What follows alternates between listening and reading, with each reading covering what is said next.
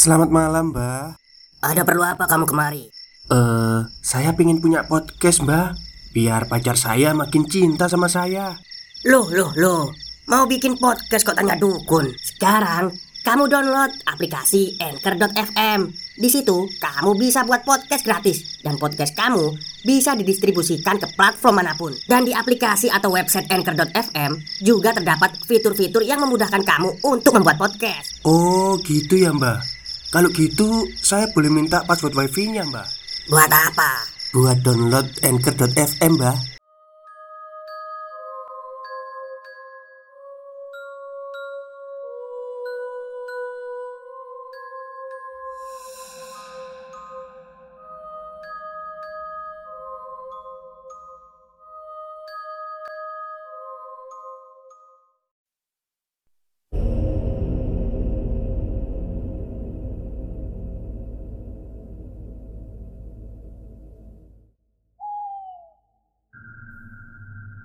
Assalamualaikum warahmatullahi wabarakatuh. Halo semuanya Jumpa lagi dengan saya Chow Sing Sing Kurator dari podcast Horror Night Story. Halo apa kabar semuanya? Semoga kalian sehat-sehat ya. Dan seperti biasanya Pada malam hari ini Saya kembali dan akan menghadirkan sebuah kisah mistis Untuk kalian semua Kisah mistis kali ini saya datangkan dari tweet twitternya Pusara Waktu Yang menceritakan tentang kesurupan. Seperti apa kisahnya? Mari kita simak. Hai, perkenalkan nama aku Rida. Ini pertama kali aku menulis cerita mistis. Selama ini Aku lebih menyukai sebagai silent rider dengan memberi emoticon love tanpa banyak berkomentar. Karena aku menyukai kisah mistis, aku berkeinginan untuk menuliskan pengalamanku saat bersinggungan dengan hal-hal gaib ke dalam cerita pendek ini. Jujur, aku belum pernah sekalipun melihat penampakan jin selama hidupku dan berharap gak melihat selamanya, kecuali mendengar dan merasakan kehadiran mereka seperti yang akan aku ceritakan kali ini, yaitu pengalaman mistisku saat masih menjadi mahasiswa di salah satu universitas di kota Gorontalo. Aku tidak akan menyebutkan aku kuliah di mana.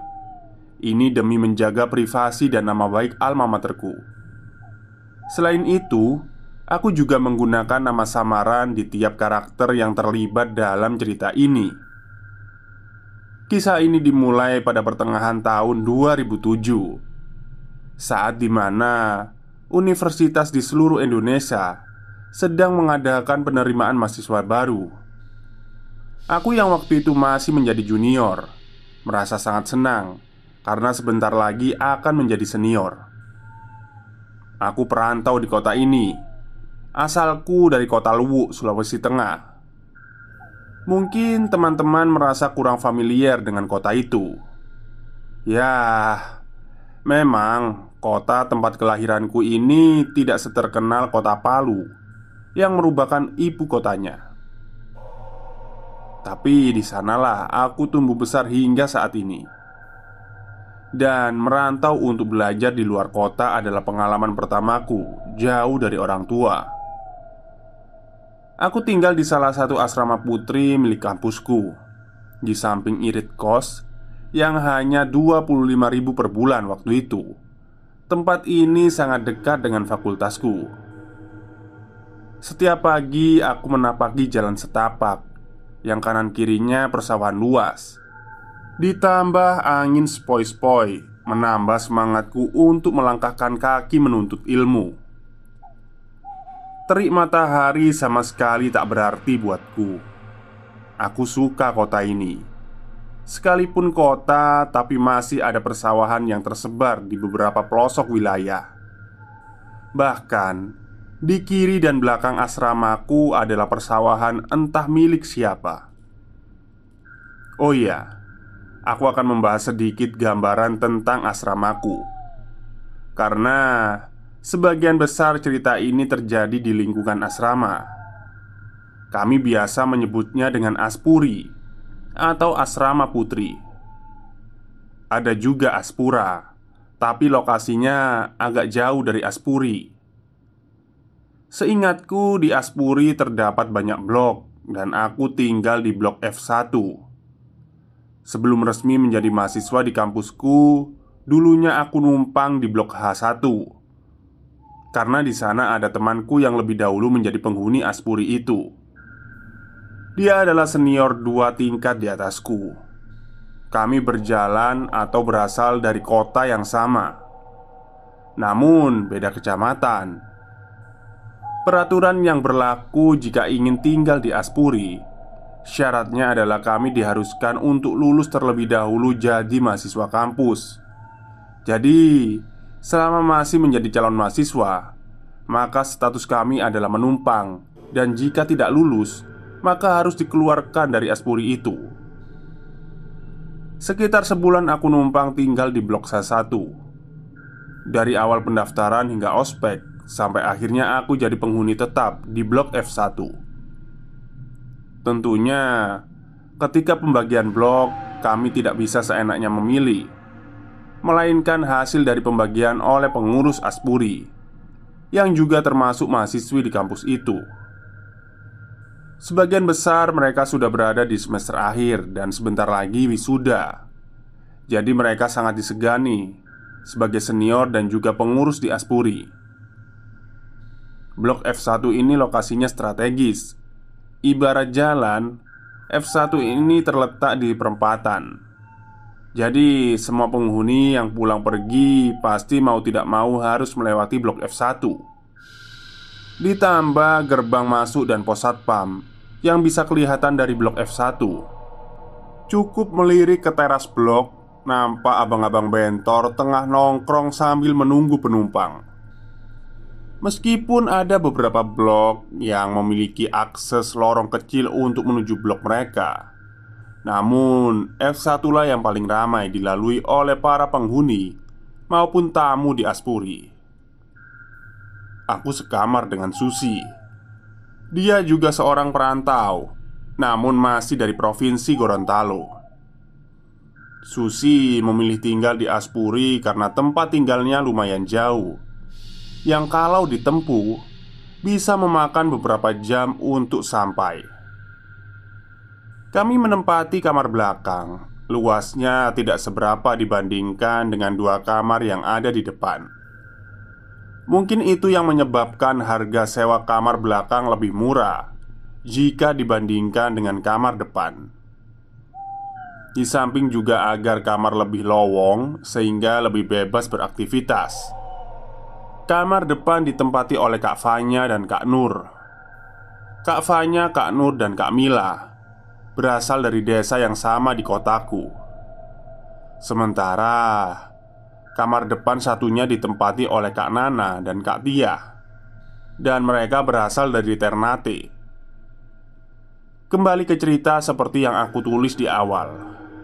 Kisah ini bermula saat berlangsungnya proses penerimaan mahasiswa baru sekaligus penghuni baru di Aspuri. Waktu itu, Blok F1 kedatangan dua penghuni baru. Keduanya berasal dari Ternate. Sebut saja namanya Vivi dan Ica. Vivi dan Ica ini masih bersaudara.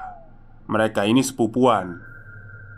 Mereka menumpang di kamar Kak Nana dan Kak Tia. Kegiatan ospek asrama tersebut dimulai sejak ba'da sholat subuh Para calon penghuni diminta untuk berkumpul di Aula Aspuri Tempat di mana sering diadakannya kegiatan kampus. Aku yang sebelumnya pernah merasakan kegiatan itu menikmati euforianya. Ditambah lagi, para calon penghuni membuat kita, para penghuni lama menjadi terbantu karena kegiatan bersih-bersih mereka setiap pagi dan sore. Kegiatan tersebut berlangsung beberapa hari sampai pada suatu hari sekitar jam 7 pagi. Aku yang tengah duduk di teras blok sambil menikmati minuman hangat tiba-tiba dibuat heran. Dari jalan ke arah gerbang depan, nampak Vivi sedang dipapah oleh berjalan seorang pria. Cara jalannya beda dan pelan, dengan posisi kepala yang menunduk, dengan wajah yang terlihat pucat. Aku yang masih belum tahu apa-apa, kemudian mencoba berseru ke arah mereka yang sedang berjalan mendekat ke arahku. "Kok udah balik, Vi?" tanyaku penasaran. Vivi tidak menjawab.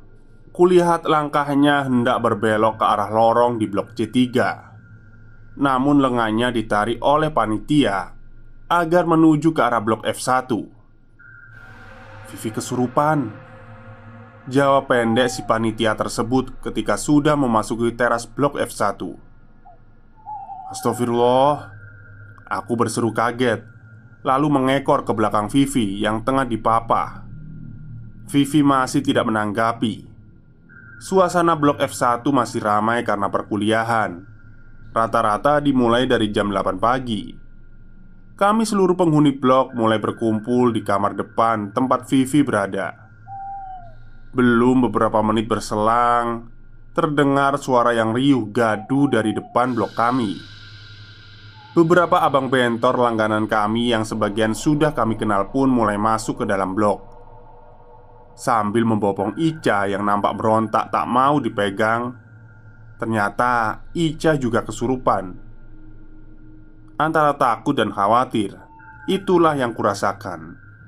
Aku yakin Teman-teman di Blok F1 juga merasakan hal yang sama Suasana pada saat itu agak sedikit kacau Karena Ica hendak menyerang Vivi Berbeda dengan Ica Vivi lebih kalem saat kesurupan.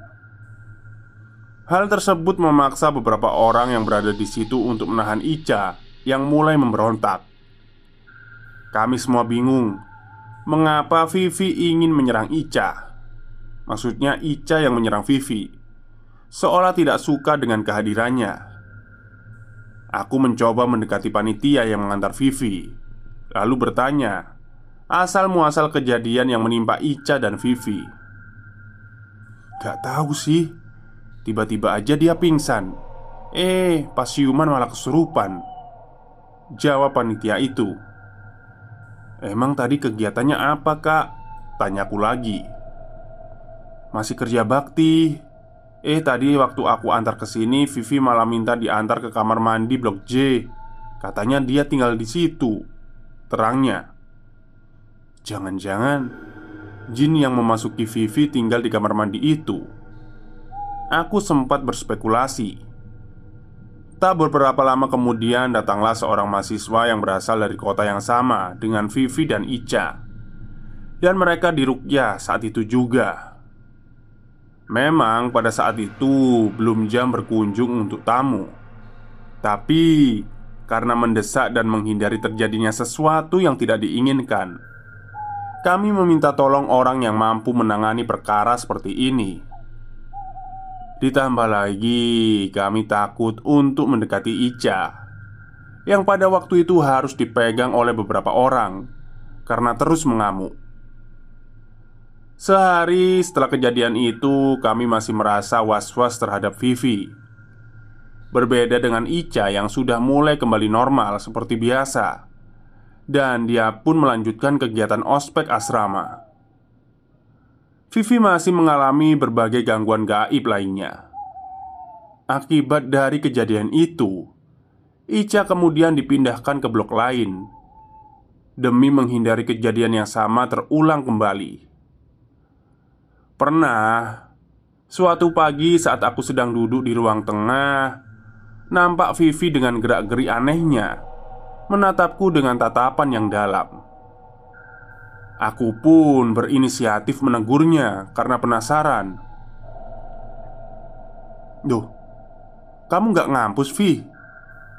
Katanya mau nyetor KRS ke jurusan. Vivi diam tidak merespon apa pun. Aku yang merasa risih karena terus ditatap oleh Vivi, kemudian memanggil Susi dan Winda yang berada di belakang. Stop, stop. Kita break sebentar. Jadi gimana? Kalian pengen punya podcast seperti saya? Jangan pakai dukun, pakai Anchor. Download sekarang juga. Gratis. Sus, Win, itu si Vivi kenapa sih? Kok aneh? Susi dan Winda kemudian mendatangiku lalu mendekat ke arah Vivi yang berada di kamar. Tiba-tiba, Vivi bangkit kemudian meraih handuk, lalu berjalan cepat menuju kamar mandi. Kami saling tatap-tatap, yakin bahwa Vivi pasti kesurupan lagi. Kami mengendap-endap ke kamar mandi tempat Vivi berada. Lalu mengajaknya berbicara sambil menyerukan namanya berkali-kali. Namun sayang tak ada tanggapan dari Vivi. Bahkan kami tak mendengar suara air sama sekali. Selama beberapa menit semenjak Vivi mengunci diri di kamar mandi. Hening sekali. Seketika kami mulai merasa parno kembali, lalu memanggil Kak Nur dan Kak Fanya yang sedang berada di kamarnya. Kak Tia pagi-pagi sekali sudah terlebih dahulu pergi ke kampus. Sedangkan Kak Mila dan Kak Nana sedang mencari sarapan pagi. Jadi hanya ada beberapa orang saja di blok F1 Kami ingat di antara dinding kamar mandi 1 dan 2 Terdapat sebuah lubang kecil yang tembus. Lubang tersebut kami tutup dengan bekas pasta gigi kosong karena khawatir dan penasaran dengan apa yang dilakukan oleh Vivi, kami pun berinisiatif untuk mengintipnya dari lubang tersebut. "Kamu aja, Rit. Aku takut," ujar Winda sambil memegang tanganku. "Ya elah, ngintip doang takut." Ledekku, padahal nyaliku juga ciut. Kami berbicara dengan intonasi yang sangat rendah dan tertahan Udah, udah, sini aku aja. Jawab Susi tiba-tiba. Benar kata orang Kalau ada satu yang berani Yang lain pun ikut berani. Ya Aku mengekor di punggung Susi.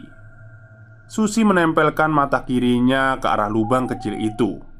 Mencoba sebisa mungkin untuk menangkap sudut yang ada di kamar mandi tempat Vivi berada.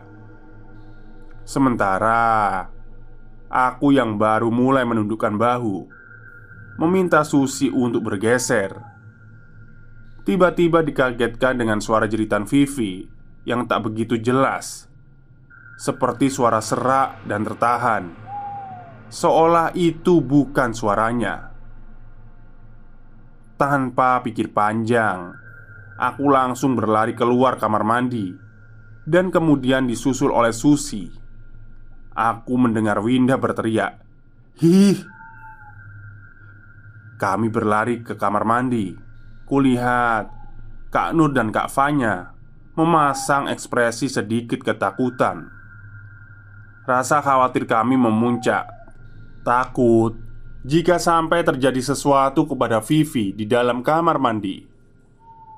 Ntar kalau dia pingsan di kamar mandi gimana? Tanya Winda panik Enggak, ini nggak boleh dibiarkan. Jangan sampai terjadi sesuatu yang membahayakan nyawanya Vivi.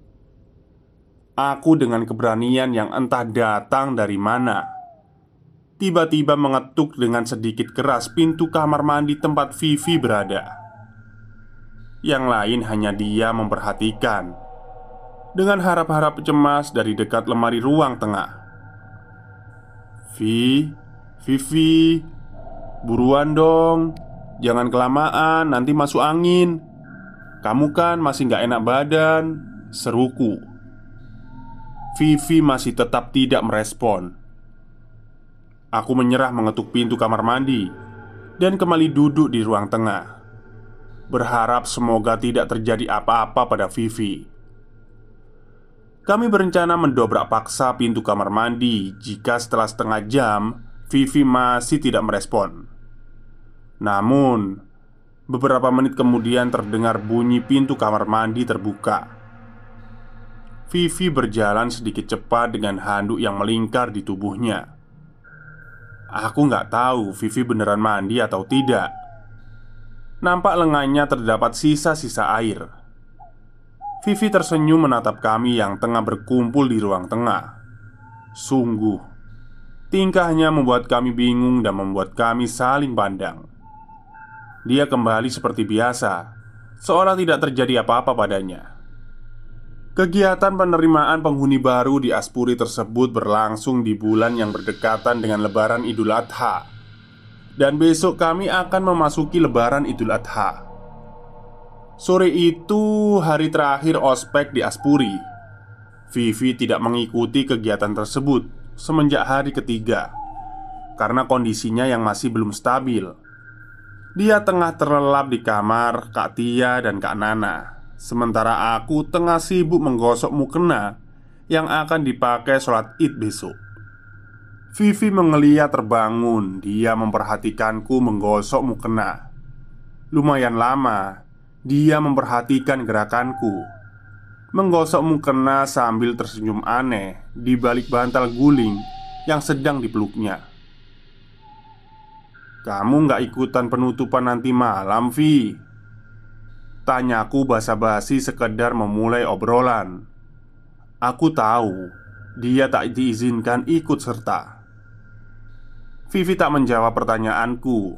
Dia mendekat ke arahku Lalu menarik lengan tanganku. Tangan kirinya memegang tanganku Sedangkan tangan kanannya Membuat isyarat seperti menulis Di atas lengan kananku Aku bingung dengan apa yang dilakukan oleh Vivi. Jangan-jangan dia kesurupan lagi.